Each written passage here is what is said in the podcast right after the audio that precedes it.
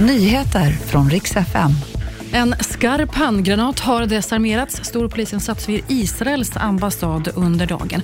Och så kommer det nya vädervarningar om storm under morgondagen.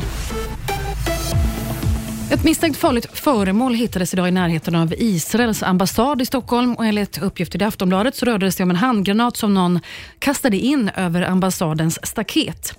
Det var personalen som slog larm strax efter ett på eftermiddagen och ett stort område runt föremålet fick spärras av. Nu har också nationella bombskyddet varit på plats och bedömer att föremålet var skarpt. Granaten ska nu ha förstörts.